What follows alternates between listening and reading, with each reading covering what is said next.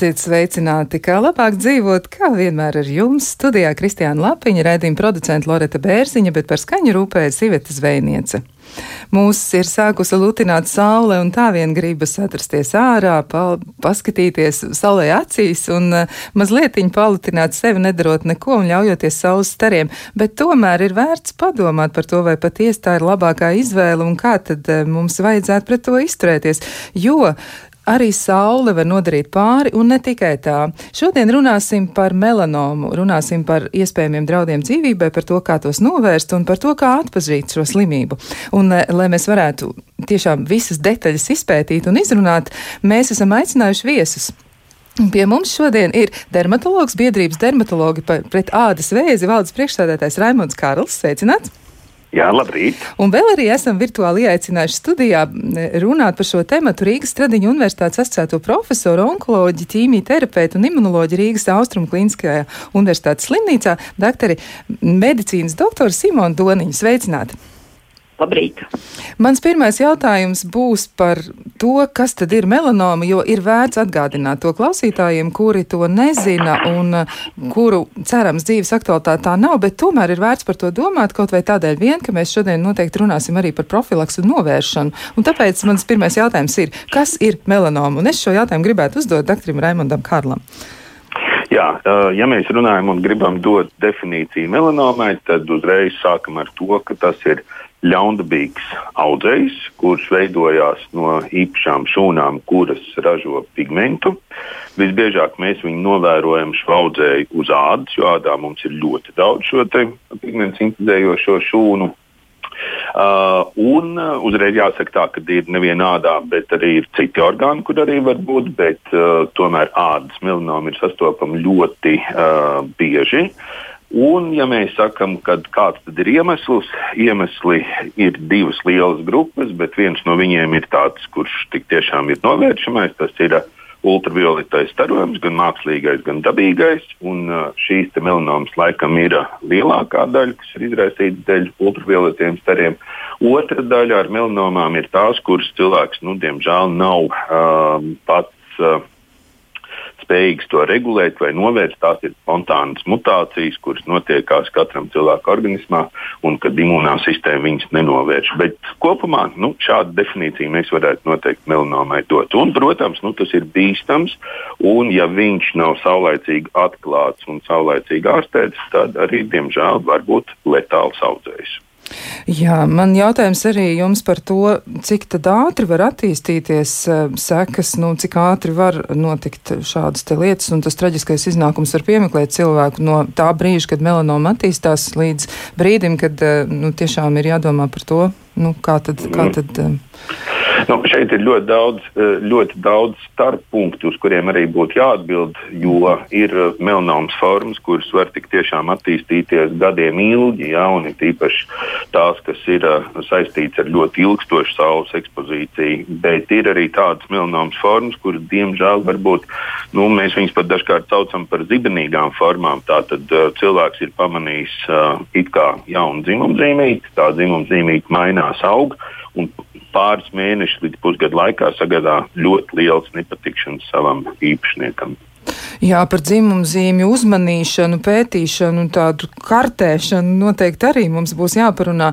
Bet man gribētos jautāt arī doktorai Doniņai, kā tad izskatās no jūsu puses raugoties, eh, nu, cik daudz cilvēku Latvijā saskars ar melanomu gada laikā un cik daudz cilvēks mēs zaudējam, ja tā var aprēķināt, varbūt, vai nu, ir zināms tas, tas skaitlis? Nu, Latvijā, jā, Latvijā absolūtos skaitļos, ja mēs runājam, tad, tad cik cilvēku saslimst katru gadu, tie ir 200 līdz 250 cilvēki gadā. Uh, varbūt šķist, ka tas uh, cipars um, nu, teiksim, pret krūts audzēju vai plaušā audzēju ir neliels, bet tomēr šis audzējs ir tieši raksturīgs ar savu bīstamību, ar savu ātro reizēm un ļoti neparedzējamo gaitu. Un tas nozīmē, ka um, agrīna diagnostika ļoti liela, uh, teiksim, tāda uzmanības veltīšana tieši uh, dzimumzīmju izmaiņām vai jaundzimumzīmju parādīšanās eh, faktam ir ļoti, ļoti aktuāla. Un noteikti jāpievērš uzmanība jebkuram ādas veidojumam, kurš mainās vai kurš parādās no jauna jo uh, arī vēlākā gaitā sastopoties jau ar šiem pacientiem klīnikā, tad, kad ir jāuzsāk medikamentozu terapija, mēs bieži dzirdam, nu, ka jā, varbūt veidojums jau ir bijis, es nepievērsu uzmanību, un tad tikai, kad sāk sasiņot vai kaut kas tam līdzīgs ir noticis, tad, tad uh, ir cilvēks griezies pie ārsta. Tātad tas būtu par šo skaitu. Uh, tendence pieaugt tieši tāpat kā pasaulē, Eiropā, arī Latvijā ir. Un, uh, Pēdējos gados, diemžēl, šī uzskaita vairs nav tik precīza, jo nav šis vēža reģistrs, un mēs varam runāt par uh, tiem cipariem, kurus mēs redzam savā klīnikā, un tad arī no citu kolēģu datiem. Bet, nu, ap 230, 250 gadā ir šie gadījumi. Diezgan daudz, un pat ja tas būtu viens, arī tad nāktos raizēties par to. Bet, um, ja jūs mēģinātu aprakstīt iespējamos cēloņus, nu, kas, kas varētu būt par pamatu tam, ka cilvēki nepamana vai arī nu, nepamana, varbūt tiešām fiziskā veidā nepamana, ir kaut kas uz muguras, iespējams, ka to nevar ieraudzīt, vai arī nu, tiešām ir tāda situācija, kur tas veidojums atrodas citā vietā organismā. Bet kā tas ir, ka cilvēki nevēršas pie mediķiem. Kāds, kāds ir jūsu viedoklis un skaidrojums, kāpēc tā notiek, un vai tas ir bieži, vai arī tomēr mēs nu, varam teikt, ka cilvēki ir pietiekami informēti? Kā no jums izskatās? Nu, man šķiet, ka um, informācija un izglītošana nekad nav par daudz, tāpēc jau arī mēs cenšamies par to runāt katru gadu. Man jāizsaka tiešām ļoti liela pateicība kolēģim Dr. Karlam par to, ka viņš akcentē katru gadu un ne tikai um, šajās maija dienās, kad ir šī aktualitāte visā Eiropā, um, kad ir ādai uzmanība jāpievērš regulāri. Bet bieži vien tas ir tā, nu šķiet, vai nu man jau tur ir tā, tā dzimuma zīmīte jau ir sen un ilgi Ja? Nu, kas tad tur? Nu, varbūt kaut kas paknieši, varbūt tur kaut kas notiek, bet nu, nepievērš patiesi to uzmanību, tāpēc ka nesāp, tāpēc ka bieži vien viņi neliek nekādu pa sevi manīt. Pamatā jau tad, kad. Um, mums, mums kaut kas sāk traucēt, uh, un tas ir ar visu onkoloģiju. Tad mēs vēršam uzmanību tam un tad sākam kaut ko meklēt. Jo būtībā es tā saprotu, ka sava āda vesela nebūtu jājūt. Un, ja jau tu tur sāc kaut ko just, tad ir noteikti jāiet un jāskatās. Tā ir viena lieta. Otra lieta ir arī tāda, ka patiešām ir šīs eh, pašam cilvēkam neredzamās ķermeņa daļas, un tad ir ļoti labi, ja ir kāds tuvinieks, kurš saka, rau, tev uz muguras ir kaut kas tāds, kas varbūt agrāk nav bijis, ja kaut kas tas, kas ir bijis, ir mainījies. Nu, un tad visbeidzot ir tiešām šīs retās lokalizācijas, ja melanoma lokalizējās kādā gļotādā, vai tā, tā ir bronhu gļotāda, vai kuņģa zarnu trakta gļotāda, vai arī dzen, tā ir acs. Vai arī tie ir smadzeņu apvalki, ja, kur, protams, cilvēks pats to nu, nekādu nevar neredzēt, ne just. Šie gadījumi ir reti, bet tādi ir. Un, uh, tos atklāties daudz, daudz grūtāk, jo ne par velti agrāk tiešām akcentēja tās augtos vizuālās lokalizācijas audzējus un pārējos, un āda ir šī vizuālā, jeb redzamā lokalizācija.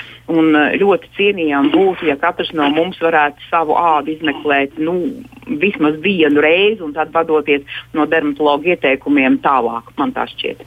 Tas būtu ļoti labi, ja mēs tā varētu izdarīt, bet ir dati par to, kas tad Latvijā notiek, un izrādās, ka Latvijas novados ir ļoti būtiska problēma, ka cilvēki nevar laicīgi pierakstīties pie dermatologa un rindas ir daudz mēnešu garumā. Tas tiešām varētu izvērsties par draudu dzīvībai.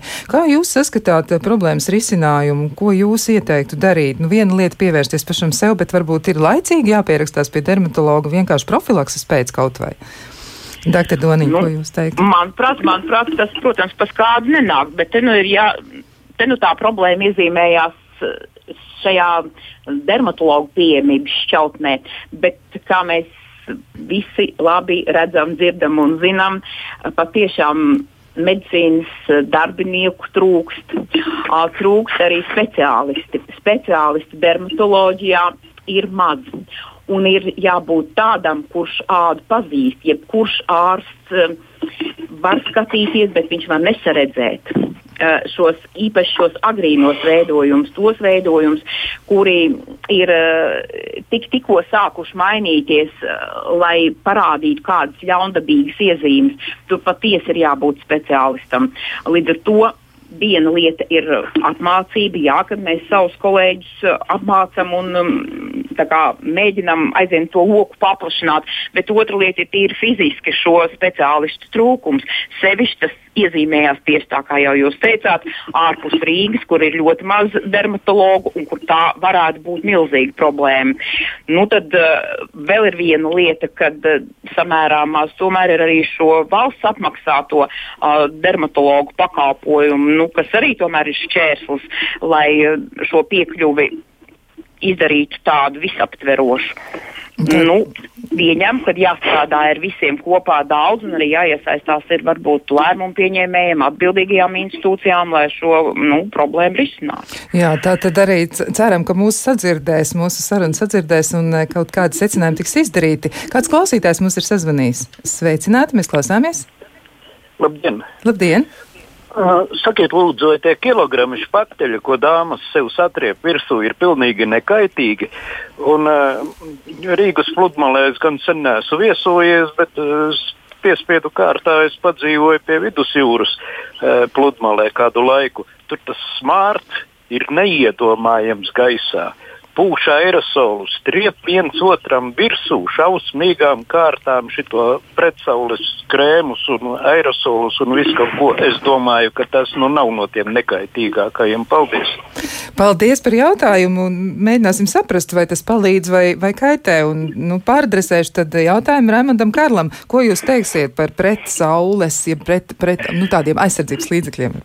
Uh, jā, nu, protams, uh, mūsdienās sabiedrībā ir ļoti daudz dažādu viedokļu, un, protams, arī uh, tāpat kā vakcinēties vai nevakcinēties, varam diskutēt, bet šeit ir jautājums lietot vai nelietot saules aizsardzību.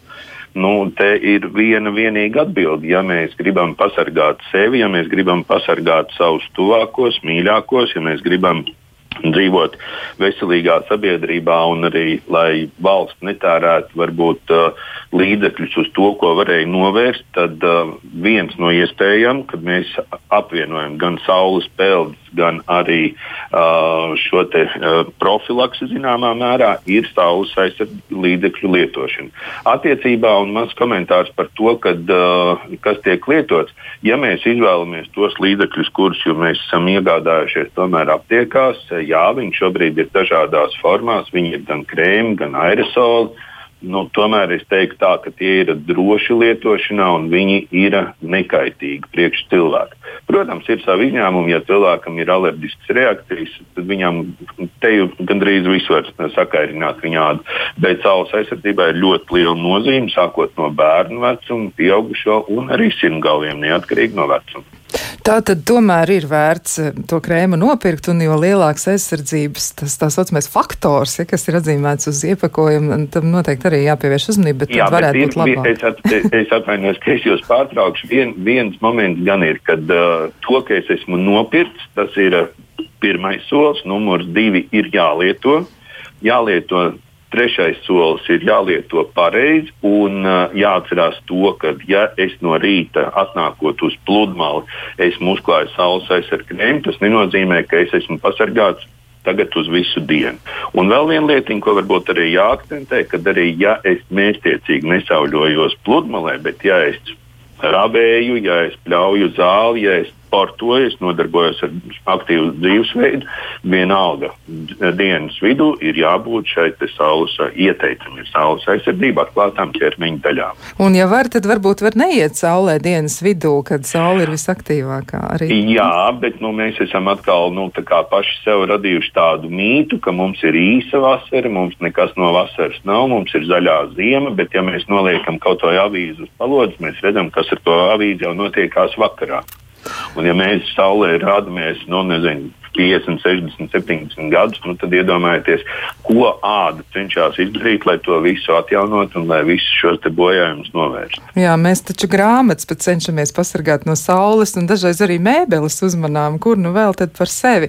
Jā, ir jādomā noteikti, bet klausītāji jautājumi ir eh, sākuši parādīties, un, un mēs tos eh, varam arī mm, nolasīt un, un mēģināt saprast, ko tad viņi grib uzzināt. Un eh, viena no klausītājām raksta tā regulāri eju pie dermatologiem atrādīt jaunās dzimumzīmes vai tās, kuras mainās. Dermatologi uzmet īsu skatienu un saka, ka viss kārtībā. Kā saprast, kad vajag iet pie ārsta un kad nav vērts? Doktor Kārls, sakiet, kā būs Jā, jādara? Man atbild, man atbild ir tik tiešām tāda, ka. Uh, Pirmais, ja jūs to darat regulāri, tad jūs varat arī salīdzināt varbūt dažādas ārstus un dažādas šīs pieejas. Var gadīties arī tik tiešām tā, ja jūs atnākat atkārtoti un uh, jūsu āda jau ir redzēta un jums ir pastāvīgs doktors, viņš tik tiešām jau ir uh, izlasījis pirms jūsu vizītes, kas bija iepriekšējā reizē, jo ar šo apskatu arī ir pietiekoši. Bet, ja mēs runājam jau par tādu lietu, ko arī uh, profesors Doniņš bija minējusi, tātad uh, um, atpazīt agrīnus, un ja man pacients atnāk pirmo reizi, nu, tad viņš tomēr tiek nevis tā pārskatīts no augšas uz apakšu. Jā, vai tikai apskatīt tā vietiņa, kur uztrauc, bet viņš tiek noguldīts uz kušetes, viņš tiek izģērbts līdz apakšveļai. Pret to ļoti ilgstoši cilvēki protestēja. Viņi teica, ka, bet, doktor, man vajag tikai šo te uz vaigu apskatīties. Bet uh, tas ir uh, ierakstīts vadlīnijās par ādas vēža profilaktiskām apskatēm, kad ir jāapskatās pacients kabinetā no, no augšas līdz apakšai. Un uh, tieši tāpēc arī pieņemsim biedrības soli priekšā melanomai ir arī izveidojuši īpašu ārstu sarakstu, kuriem var uzticēties nu, un to izdarīt profesionāli. Tā tad noteikti jautājam, un ja, ja mēs esam pirmoreiz pie dermatologa un dermatologs paskatās uz vienu dzimumzīmu un saka, ka viss labi, tad esam paši varbūt neatlaidīgi un uzstājam, lai tomēr izpētu visu to mūsu zvaigžņu karti, kas nu tur ir.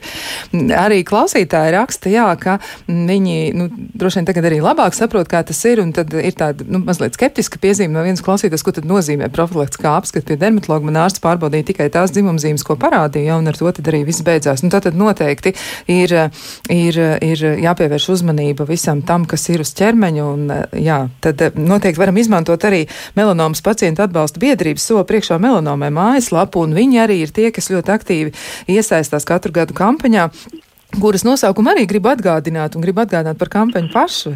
Ja, jo kampaņa ir par to, ka arī balts ir skaists. Ja, tā tad arī nenosauļots, nebrūnināts arī ir skaists, un tas noteikti ir veselīgāks. Man jautājums arī būs profesorai Doniņai, bet jūs teicāt, ka var būt arī tāda situācija, ka melanoma attīstās citās vietās organismā. Kā tādos Jā. gadījumos ir iespējams to diagnosticēt, vai kā to varētu noskaidrot ātrāk? Nu, Tur, diemžēl, ir ļoti, ļoti maz šo iespēju. Uh, vienīgi varbūt uh, sievietēm veicot uh, apskatu pie ginekologa, ja veidojums melnomatos veidojās šīs zonas ļoti ātrā, tad to varētu kā, pamanīt ar aci.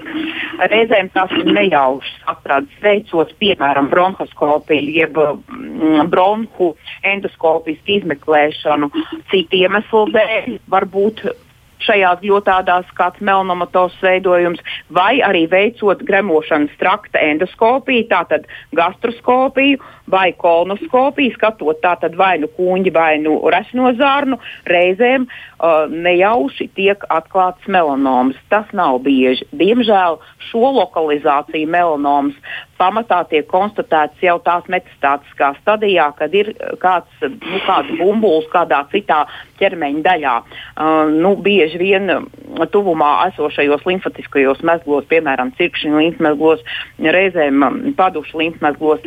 Tā kā šīs slimības patiesi ir ļoti grūti atklāt agrīni, kas attiecās uz acu melanomu tad tie mm, cilvēki, kuri apmeklē atsvārstu, arī citu iemeslu dēļ, arī tad, ja nav sūdzība, reizēm ir šīs nejaušās atradas, un, protams, ja ir kādas sūdzības saistībā ar redzes traucējumiem, tad arī reizēm tiek atklāta šī te, uh, acs melanoma, kas ir šo sūdzību cēlonis. Un tad ārstēšana jau tiek sākta nekavējoši, un, un, un tad tās ārstēšanas ir gan intensīvas un reizēm arī smagas.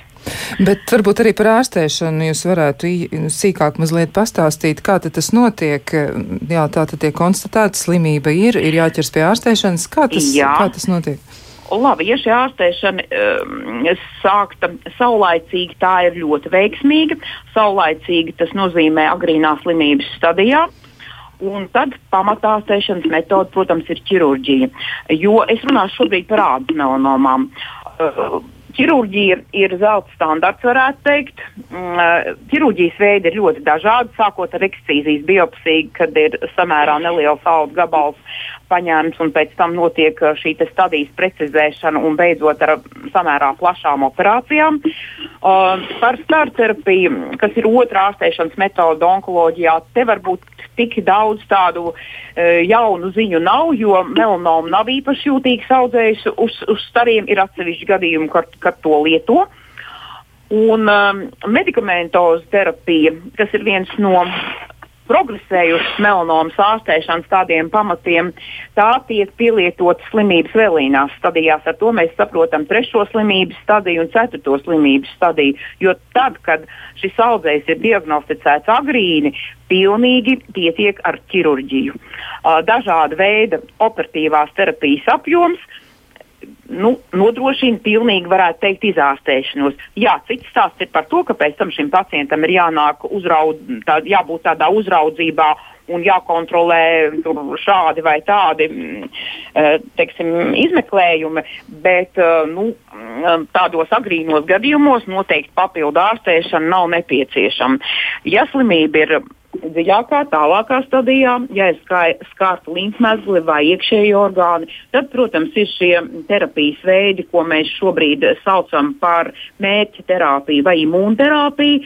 Mērķa terapijas gadījumā tiek ļoti precīzi strādāts uz uh, tādām audzēju šūnām, kurās ir um, attiecīgi gēnu mutācija, un imūnterapijas gadījumā um, tiek veicināta paša organisma imūnā atbilde, imūnās reakcijas, lai cīnītos ar audzēju šūnu.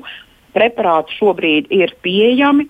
Ir arī kompensējumu zāļu sarakstā, ir, protams, atsevišķas nianses, kuru kad mēs varam lietot, bet eh, nu, salīdzinoši ar varbūt gadiem, četriem, pieciem atpakaļ, ir milzīgs progress panākts eh, arī Latvijā šīs mm, melanomas ārstēšanā, tad, ja tā ir izplatījusies uh, citos orgānos. Tās tādas labas ziņas, uzmundrinošas ziņas, bet neskatoties uz to visu, noteikti mums ir jāpadomā par riska faktoriem, veicinošiem faktoriem un arī par to, ko tad mēs paši varam izdarīt, lai novērstu melanomas attīstīšanos. Un arī klausītāji jautā, nu, vai ir kāds vecums, no kur jāsāk uzmanīt dzimumzīmes, un viņi raksta, ka bērnam ir 9 gadi un rodas jaunās tumum, tumšās dzimumzīmītes, un manuprāt, daudz. Nu, tad eh, doktoram Karlam jautājums, kā jums liekas, no kura brīža jāsāk uzmanīties, un ja tas ir bērns, tad laikam jau tā nav. nav. Uzmani, uzmanīties būtu jāsāk. Nu, eh, uzreiz teiksim, bērnu vecums nav, nav riska grupa, jo mēs paliekam vecāki, jo mūsu risks pieaug. Bet uh, apmeklēt dermatologu būtu vērts, jo dermatologs tomēr dos arī arī rekomendācijas, kā varētu potenciāli nākotnē tam bērnam samazināt šo veidojumu rašanos.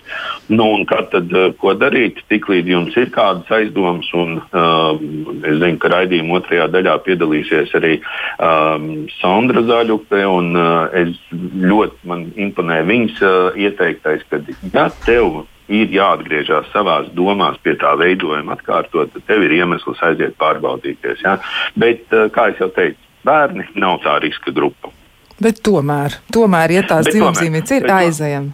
Jā, bet tomēr, ja viņas ir, aizējām, izmantojam iespēju, izmantojam iespēju tādu pavasarī, kad varbūt ir gan tās bezmaksas vietas, jā, bet uh, es negribētu jūs um, gaidīt tikai un vienīgi bezmaksas vietas. Ir arī pieejams uh, ar speciālu piedāvājumu, arī pie mums klīnikā ir pieejams speciāls um, gan pacientiem, kuriem ir jau dzīves laikā tā diagnosticēta šīs diagnozes, gan arī uh, vienkārši kā, uh, interesēties un uh, kaut vai pie prasiet ģimenes ārstam nosūtījumu, pieņemsim, vai pie dermatologa, vai arī jau ir pamatotas bažas, tad uz Latvijas onkoloģijas centru vai uz reģionālo slimnīcu, kur speciālists apskatīsies, bet rīkojieties, negaidiet pats neuzsūcās, pat tā nepatikšana neuzsūcās, un viņi ir jārisina. Pats nekur nepazudīs, neizgaisīs no tā, ka domāsim par to, ka būs kaut kā labāk. Tāpat vien, laikam, nepazudīs. Būs vien jāvēršas pie ārstiem un jāmeklē palīdzība. Paldies par ļoti vērtīgiem ieteikumiem un arī tiešām nozīmīgiem skaidrojumiem. Mm, Rīgas Stradiņa universitātes asociētie profesorei, onkoloģijai, ķīmijterapeitei un imunoloģijai Rīgas Austrum Klīniskajā universitātes slimnīcā, mm, doktoriem mm, un medicīnas medicīnas doktorai Simonai Toniņai un arī dermatologam biedrības dermatologa pret tādas vēzi valdes priekšstādātājiem Raimondam Karlam. Bet mēs sarunu par to, kā cīnīties pret melanomu un kā nepieļaut slimības izveidošanos un kā samazināt riskus, par to mēs turpināsim sarunu pēc brīža. Kā labāk dzīvot? Turpinām sarunu par melanomu un par to, kā ar to cīnīties un kā nepieļaut šīs slimības veidošanos un attīstīšanos un ko tad mēs paši varam darīt. Un sarunā esam aicinājuši piedalīties arī cilvēkus, kuri aktīvi cīnās par to, lai mēs neslimotu un lai nesaslimtu arī ar šo slimību. Un ja nu kādam ir tā sanācis, ka dzīve ir piedāvājusi šo izaicinājumu, ko darīt tajos gadījumos, lai palīdzētu sev, un proti mēs esam eh, aicinājuši piedalīties sarunā melanomas pacientu atbalsta biedrības soli priekšā melanoma melanomai mārketinga projekta koordinātors Sondra Zaļupi. Sveicināta! Labrīt! Un vēl arī e, esam uzaicinājuši piedalīties sarunā melanomas pacientu atbalsta biedrības soli priekšā melanomai vadītāju Olgu Valciņu. Sveicināta! Labrīt! Man pirmais jautājums būs Olgai. Jā, katru gadu, katru gadu ir mais klāt, un atkal mēs atceramies par to, ka melanoma ir bīstama problēma, un mēģinām paši sev pateikt, ko tad vajadzētu darīt. Kā ir šogad, kas ir jūsu moto, varbūt klāt pie visu? Man liekas, ka es jau teicu, bet varbūt jūs atgādiniet vēlreiz. Uh, jā, Šo, patiesībā melanomas pacientu biedrība ir viena no jaunākajām pacientu biedrībām Latvijā. Mēs ar Sondru uh, melanomas biedrības lietās esam tikai trešo gadu. Tad kampaņa mums tāda pilnvērtīga kampaņa, šī mums ir otrā. Un mūsu lielais moto balts arī ir skaisti. Mēs gribam atgādināt un gribam uzsvērt, ka nenosaudzot ādu ir skaista. Jo mēs zinām, ka katrs saules apdegums, katrs brūnums patiesībā ir ādas bojājums, kas var izraisīt melanomu. Un vienkāršāk un dzīvībai drošāk ir vienkārši nesaslimt, nesaslimt nevis pēc tam melanomu ārstēt. Un mēs arī šogad gribam paplašināt savu balto ārstu sarakstu. Mēs aicinām pacientus pārbaudīt tādas veidojumus. Uh, šīs nedēļas laikā es katru dienu saņēmu vairāk kā 20 zvanus no dažādiem cilvēkiem, kas grib pieteikties pie ārsta, īpaši reģionos, kur mums ir uh, slikts segums. Liela daļa atzina, jā, man ir veidojums, kurš man neliek mieru jau sen. Nu, tad tagad akcijas ietvaros es mēģināšu aiziet. Un tā no vienas puses ir laba zīme, ka cilvēki vismaz maijā aiziet, no otras puses cilvēki ir gaidījuši, cilvēki ir par to domājuši un neko nav darījuši līdz šim.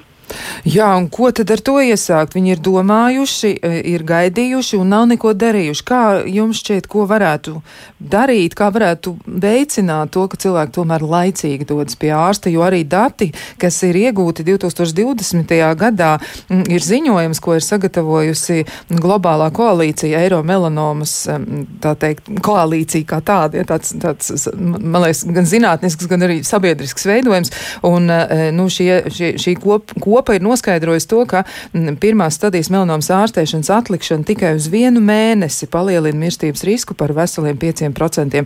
Tas ir ļoti nopietni. Un kā jums liekas, nu tad kā varētu ietekmēt cilvēkus, lai viņi laicīgi dodas pie ārsta?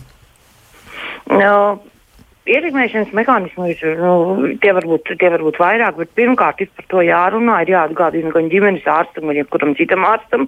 Mēs varam viens otram atgādināt, tās ir kampaņas ne tikai mēnešu laikā, maijā, bet arī vēlāk. Mēs varam pārņemt citu valstu pieredzi, piemēram, obligātā apdrošināšana, kurā ir iekļauti papildus bonusi tiem, kuri laicīgi iziet visas obligātās pārbaudes. Uh, mēs varam uh, citādus bonusus cilvēkiem dot, tās varbūt pat papildus atvaļinājuma dienas. Tie modeļi tiek šobrīd diskutēti, tiek arī zinātnieki iesaistīti, tiek meklēti arī visā pasaulē labākie risinājumi, kā panākt, ka cilvēki aiziet uz pat valsts apmaksātām obligātajām pārbaudēm. Tā nav tik vienkārši lieta, kā izskatās. Bet mēs kā pacienti, ko mēs varam izdarīt, mēs varam par to runāt, mēs varam mudināt, mēs varam iedrošināt un ar savu piemēru rādīt, ka tas nav tik briesmīgi. Jā, vēl ir kāda ziņa arī, ka nu, pamatā melanoma ir audzējs, ko novēro vecumā pēc 50 gadiem, bet pēdējos gados melanoma tiek diagnosticēta gados ar vien jaunākiem cilvēkiem. Un vecuma grupā starp 20 un 30 gadiem melanoma ir biežākais ļaundabīgais audzējs starp visiem audzējiem šajā grupā. Arī tā ir ļoti svarīga ziņa un ir jāpievērš uzmanība sev. Arī klausītāji raksta, viņiem ir jautājumi, kas iespējams ir jāpāradresē pēc tam mediķiem un ārstiem, bet noteikti Noteikti arī jums ir kāds komentārs par to, un jūs varat varbūt uzmundrināt, aicināt, iesaistīties un pievērst eh, nu, vai vairāk uzmanības. Un viena no klausītājiem raksta tā, manam dēliņam kopš dzimšanas ir sarkans pigments uz kājas iekšpusītē pie cirkšņa, un jau dzemdību namā jautāja, man teica, ka viss kārtībā, bet esot jāvēro. Bērnam šobrīd divi gadi, un šobrīd šķiet, ka tas ir kļuvis spilgtāks, ja tas veidojums nekā bija, un vai ir jāvērst pie ārsta uz apskati. Nu, visticamāk, Raimons Kārls teikt, un arī profesori Doniņa, ka noteikti jā. Olga. Es, es, es, vis, es visiem pacientiem, visiem pacientu, potenciālo pacientu vecākiem, bet pat šī gadījumā visticamāk, ka tas būs parasta bērnu vecākiem, es saku tā, ka ja jums tas neliek mielu, mieru obligāti vajag aiziet pie ārsta, lai viņš jums izstāsta, lai jums viņš parāda. Ja jums ir bijusi sajūta, un šī ir otra tēma, kāds nepietiekami pievērs uzmanību, tur pa gabalu uzmet aci un vairāk ar mani nerunā un pateic, jums viss kārtībā, tad ir jāaiziet vienkārši pie cita ārsta. Un ir jāatrod tāds ārsts, ar kuru jūs jūtaties komfortā, ar kuru jūs jūtaties labi un kuram ir intuitīva sajūta, to nevar bieži vien izmērīt. Jums ir tāds sajūta, ka viņš izdarīja visu, ko, kas viņam bija jāizdara. Kad jūs tādu ārstu atradīsiet, tad jūs ar viņu sarunāsiet cik jums ir bieži jāiet, jāatrāda savus bērnus vai savus pats savus ķermenis. Un tad, un tad jau tālāk ir, būs viss labi. Ir jāatrod savs ārsts, ar kuru jūs jūtaties kopā labi un droši. Noteikti to vajadzētu darīt, un arī vienai no klausītājām, kura apraksta, ka katras grūtniecības laikā viņai veidojas jaunas papilomas, kas ir nu, tādas, kas traucē un, un kas tiešām rada problēmas, un, un ārsts, pie kura viņa ir bijusi un konsultējusies, ir teicis, ka nu, tam nav jāpievērš īpaši uzmanība, jāgaida, ka bezmaz izaugs lielāks. Ja, un tā tikai kaut ko var darīt. Laikam tā nebūs īstā atbilde. Tātad arī šai ne. klausītājai ieteiksim dodieties pie sava, sava ārsta. Jā. Savs ir jāatrod. Savs ir jāatrod. Tāpēc mūsu baltais saraksts mūsu mājaslapā. Tie ir tie ārsti, kuri mums atrada melanomu un par kuriem mēs zinām, ka mūsu gadījumā viņi skatījās nu, tā, kā, tā kā no grāmatas, ka visu izdarīja. Visu izdarīja, jā. Vēl gribu jautāt arī Sondrai, nu, kā no jūsu puses, kas ir tas, ko vēl jūs varētu piebilst par aktivitātēm, jo jūs esat marketinga projektu koordinātori un noteikti arī jums ir nu, tādi, tādi plāni un ir arī lietas, kas notiek jau šobrīd, kā jūs uzrunājat klausītājus un arī visus tos cilvēkus, kuri nu, seko līdz savai veselībai, arī kur to varbūt nedara tik aktīvi, bet viņiem būtu tas jādara.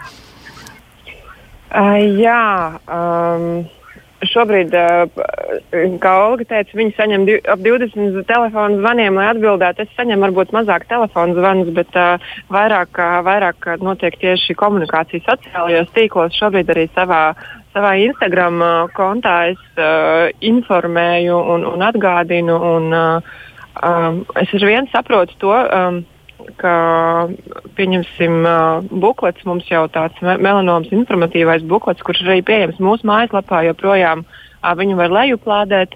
Uh, viņš ir jau pieejams nu, jau kādu laiku, un, uh, bet joprojām cilvēki uh, vai nu ir piemirsuši, vai, vai nav paspējuši apskatīties, vai arī viņiem nav bijis laika šo bukletu pat izšķirstīt. Tad es ar vienu saprotu, ka tādas. Um, tāda vien, vienkāršota informācija, atgādinājums. Uh, Un šis jautājums, kad man būtu jādodas pie dermatologa, uh, to mēs saņemam regulāri visādos formātos.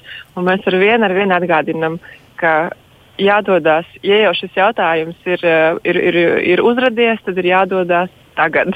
Un, uh, un kā, kā, kā, kā viņu atrast, tad mēs atkal palīdzam ar šo balto sarakstu. Uh, respektīvi, tajā brīdī, kad mēs saņemam jautājumus, tad mēs arī varam rast uh, risinājumus. Arī tāpat uh, to ļoti spilgti atspoguļo šī situācija ar dermatologiem. Mēs uh, kaut kādā ziņā nojautām, ka šāda problēma ir, bet mēs, protams, divu tādu olgu nevaram uh, apbraukāt visas Latvijas pilsētas un noskaidrot, kāda ir situācija. Līdz ar to es uh, gribētu aicināt uh, mums sūtīt šo informāciju gan par pieredzēm ar, ar, ar ārstiem, gan par uh, nepieejamām uh, vai garām rindām, jo šī informācija uh, mums ļoti palīdz saprast to kopējo situāciju. Jo tiešām divi cilvēki mēs nevaram atbildēt par tiem visiem 200 jaunajiem gadījumiem, kas, ka, kas tiek konstatēti. Tādēļ ir ļoti, ļoti svarīgi. Mēs no savas puses cenšamies šo informāciju uh, pasniegt uh, maksimāli uh, kompakti un vienkārši un uh, vērtīgi, bet uh, mums ļoti ir vajadzīgi šie te, um, cilvēku jautājumi par to un, un arī pieredzes. Tās ir ļoti svarīgas. Varbūt atgādiniet arī, kur vajadzētu rakstīt, uz kurieni, kāda ir adrese, lai klausītājiem ir skaidrs, kur var vērsties ar saviem jautājumiem vai pieredzes stāstiem. Principā visi kontakti ļoti vienkārši ir mūsu mājaslapā www.solapriekšāmelanomai.lv. Tur ir gan e-pasts, gan visu mūsu iesaistīto personu telefonu numuru. Un es tiešām arī saņemu zvanus no cilvēkiem. Tāpat kā Olga, mums ir Facebook lapa, kurā, kurā arī kur var rakstīt gan vēstules, var rakstīt arī mums personīgi es nevaru solīt, ka atbildēsim uzreiz un vienmēr un diennakts laikā, bet, bet mēs tiešām cenšamies vienmēr komunicēt. Un, un ja kāda no mums nevar pieslēgties, tad noteikti atrodam kādu, kurš var, var ieteikt un, un, un palīdzēt un atbalstīt uh, konkrētā situācijā. Jā, arī par balto sarakstu runājot, un droši vien jau nav tā, ka tie ir nu, tādi tikai atsaucīgie ārsti, tie ir atsaucīgi, ļoti informēti un zinoši, un iespējams tā iemesla dēļ, ka viņi tieši ir specializējušies dermatoloģijā, konkrēti jau runā par onkoloģiskiem procesiem, kas ir dermatoloģijā. Varbūt jūs varat sīkāk raksturot to savu sadarbību, kā jums tas eh, baltais saraksts izveidojās? Baltais saraksts izveidojās tā, ka mēs biedrības aktīvākās personas mēs sapratām, ka ir šis jautājums par to, kur lai es meklēju savu dermatologu, rodas ļoti, ļoti bieži. Un, tādēļ mēs sapratām, ka mums katrai ir sava pieredze ar, ar dermatologiem. Tad, kad arī sākās šāda jau biedrības aktīvāka darbība, sapratām, ka ir vēl arī citi, uh, citi ārsti, kuri ir, ir tikpat uh, profesionāli un tikpat informēti, uh, un ka ir nepieciešams šāds apkopots resurss. Kur, kur cilvēki varētu um, jā, tad, tad at, atrast to sev pirmkārt tuvāko, varbūt, vai, vai, vai patīkamāko, vai kaut kādu iemeslu dēļ jā, vēlamāko dermatologu. Un, es joprojām, man pat vēl, vēl vakar vakarā, jo, jo, jo saņēmu vēl vienu jautājumu par to, kā, kā un kur kur var atrast, kur var pierakstīties. Šobrīd tiešām mēs saskaramies ar to, ka ir grūtāk pierakstīties vispār pie, pie dermatologa kā tāda. Es ceru, ka to mēs varēsim atrisināt un, un ka nākamgad un, un jau pēc kampaņas šādu problēmu mums būs, būs mazāk, kad šīs rindas būs mazākas. Cerams, ka tā notiks. Man jautājums eh, Olgai, bet kā ir, cik, cik tad ir to cilvēku, kas aktīvi iesaistās jautāšanā vai arī savas veselības pētīšanā? Jums ir tāds aptuvenais skaitlis, cik cilvēkiem tas ir aktuāli, kas izmanto biedrības mājaslapu vai arī cenšas paši iesaistīties? Jums ir kādi dati par to, cik daudz cilvēkiem tas būtu svarīgi? Jo viena lieta ir tiešām, mēs zinām saslimušo skaitu un, un zinām arī, cik cilvēki ir aizgājuši bojā gada laikā, un tas tiešām ir ļoti liels skaitlis. Bet, ja jums ir jāmēģina raksturot nu, tas cilvēku skaits, kam tas ir aktuāli, varbūt jums ir kādi dati? Tūlīt Sandra pastāstīs par, par precīzi, cik mums ir uh, bijis mājaslapas apmeklējums uh, šajās nedēļās, kopš mēs sākām kampaņu. Bet ikdienā patiesībā, uh, ja runā piemēram kaut vai viens no tie, tie, tādiem signāliem, kas varētu būt, lai izmērītu, cik cilvēkiem interesē, ir uh, Facebook kaut kādu rakstu lasītāji, tie, tie, kuri, tie, kuri, tie, kuri seko mūsu aktivitātēm. Šo skaidru mēs esam uh, mazliet paudzi pieredzējuši. Es domāju, ka uh, nav tā, ka latvieši ir mega aktīva tauta, kur uh, par katru tādas veidojumu skries pārvaldīt. Mēs šobrīd esam apmēram 100 pacienti, kuri apvienojušies šajā mūsu uh, biedrībā, bet mēs for, nevis formāli uzņemam jaunus biedrus, tie ir tie, kuri, kuri, ar kuriem regulāri mēs daudz mēs komunicējam, kuri, kuri sūta kaut kādus jautājumus vai vēl kaut ko. Līdz 100 cilvēkiem savukārt no veseliem cilvēkiem ir kampaņveidīgi. Kaut kādā brīdī ir daudz Es saku, mājaslapas apmeklētība mums ir augusi par vairākiem tūkstošiem procentu e, šajā periodā, e, bet pēdējo skaitli Sandra labāk zinās, bet es domāju, ka tie ir vairāki tūkstoši kaut kādā šajā periodā. Tātad vismaz vairākiem tūkstošiem cilvēku jau ir jautājumi, kas ir radušies par sevi vai varbūt arī par kādu sev tuvu cilvēku. Tas nozīmē, ka iedzīvotāju skaits ir ļoti liels, kam interese ir, bet ne jau tas droši vien ir rādītājs, kāpēc būtu vispār tam visam jābūt un jāpastāv biedrībai, jo man jau liekas patiesi, ja ir kaut viens cilvēks, kuram ir problēma, tad tā ir jārisina, un turpat ar, nu, par to īsti nebūtu jādiskutē. Bet um, vēl ir. Um, Vēl ir arī uh, tādi secinājumi no klausītāja puses. Ja jau melanomas risks ir lielāks vecākiem cilvēkiem, tad būtu jauki norādīt arī telefonu, jo ļaudīm gados bieži radio un TV ir vienīgais izziņas avots arī mūsdienās, un mājaslapas adrese nepalīdzēs, bet radiem negribēs jautāt, kā jūs var sazvanīt. Biedrībai noteikti arī ir tālrunis, pa kur var zvanīt. Tie ir mūsu ar Sandru tālruņi, sapēc līdz pateikšu 2916 48 82.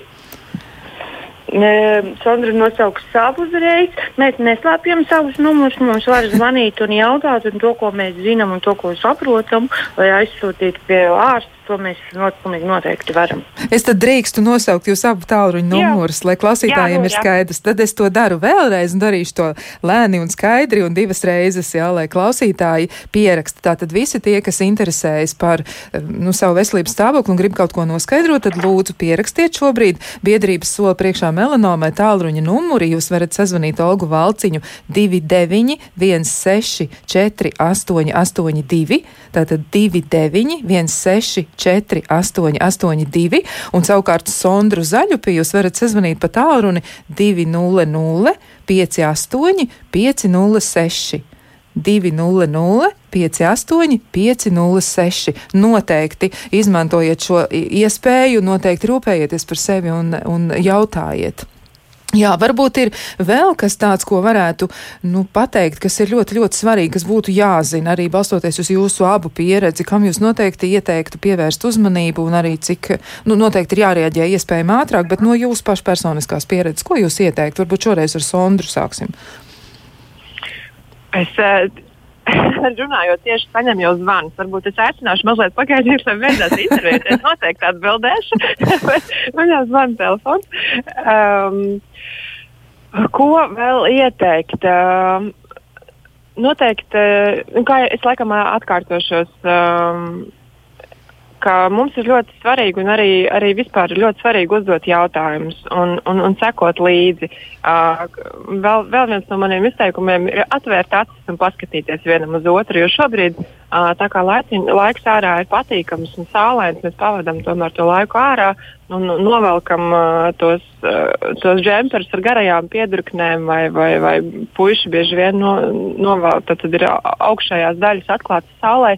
Um, un tieši tā kā vīriešiem arī mēdz būt uh, šie veidojumi vairāk uz muguras, tad uh, um, lūgums sievām apskatīt savus vīrus, un, un, un, un vīriem savukārt apskatīt savas sievas vai uh, brāļiem, māsas, nu, kā, kā tur tajā ģimenē uh, kopā sanāk būt. Uh, bet uh, jā, uh, vienam otru apskatīt, pievērst uzmanību un uh, un tomēr atgādināt, jo es uh, šo stāstu arī laikam jau pieminēju citā sarunā, bet tieši māja brīvdienās arī saņēmu vienu zvanu no bērnības drauga, un uh, viņam sieva ir uh, friziere.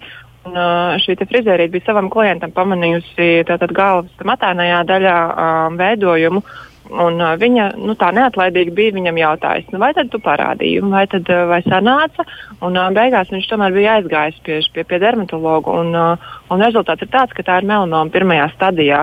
Un, uh, jā, no vienas puses varbūt tā ir bēdīga ziņa, bet no otras puses mēs par šādiem stāstiem ļoti priecājamies, jo tas ir saulēcīgi, atklāts. Un tajā brīdī, kad man zvana mans bērnības draugs, viņš jautā, Sondra, saki man, kas tagad tālāk notiks. Es saku, ka viss ir kārtībā, jūs esat izdarījuši pareizi. Uh, viss, uh, viss uh, kā, dzīve turpinās, un, uh, un šie ir tie stāsti, kurus mēs uh, gribam dzirdēt, un tādēļ arī mēs savu darbu veicam. Tātad uh, sargiet sevi, uh, sargiet savus mīļos, apskatiet viens otru un, un esiet veseli un priecīgi. Jā, tā tad ļoti, ļoti rūpējieties viens par otru un mēģiniet eh, paskatīties. Vēl arī ir tāds jautājums, ko iespējams jums arī kāds jau ir uzdevis, un varbūt es to pāradresēšu jums, jo man nav jautātāja e-pasta adreses, nevarēšu to nosa, nu, nodot jums, lai jūs varētu atbildēt, ja, bet nu, jautājums ir piemēram tāds, vai tetovējumi palielina melanomas riskus, ja tad arī tas ir jautājums, ko uzdod. E, jā, es šo varētu, es varētu komentēt, jo man pašai arī ir tetovējumi un tas man ir tāds, tāds mans, mans process Bet uh, es esmu vairāk kārt runājis ar vairākiem ārstiem. Uh, es, varbūt Olga arī var, var, var, pie, var piebilst, varbūt ir kaut kas aktuālāks, bet tā mana rīcībā esošā informācija ir tāda, ka šobrīd nav nekādu zinātnisku pētījumu par to, ka tetovējumi kaut kādā veidā veicinātu melanomas attīstību. Protams, ka ir ļoti jāsako līdzi, pie kādiem uh, meistariem šie te tetovējumi tiek veikti. Um, es ar savu meistaru esmu izrunājusi gan uh, gan par higiēnas lietām, par, par, gan par tinti, jautājums par tintas sastāvu, par instrumentiem, ko viņi lieto, par dezinfekciju, par tālāko tetovējumu aprūpi. Tas viss ir ļoti, ļoti svarīgi, jo tās tomēr ir mikrotraumas.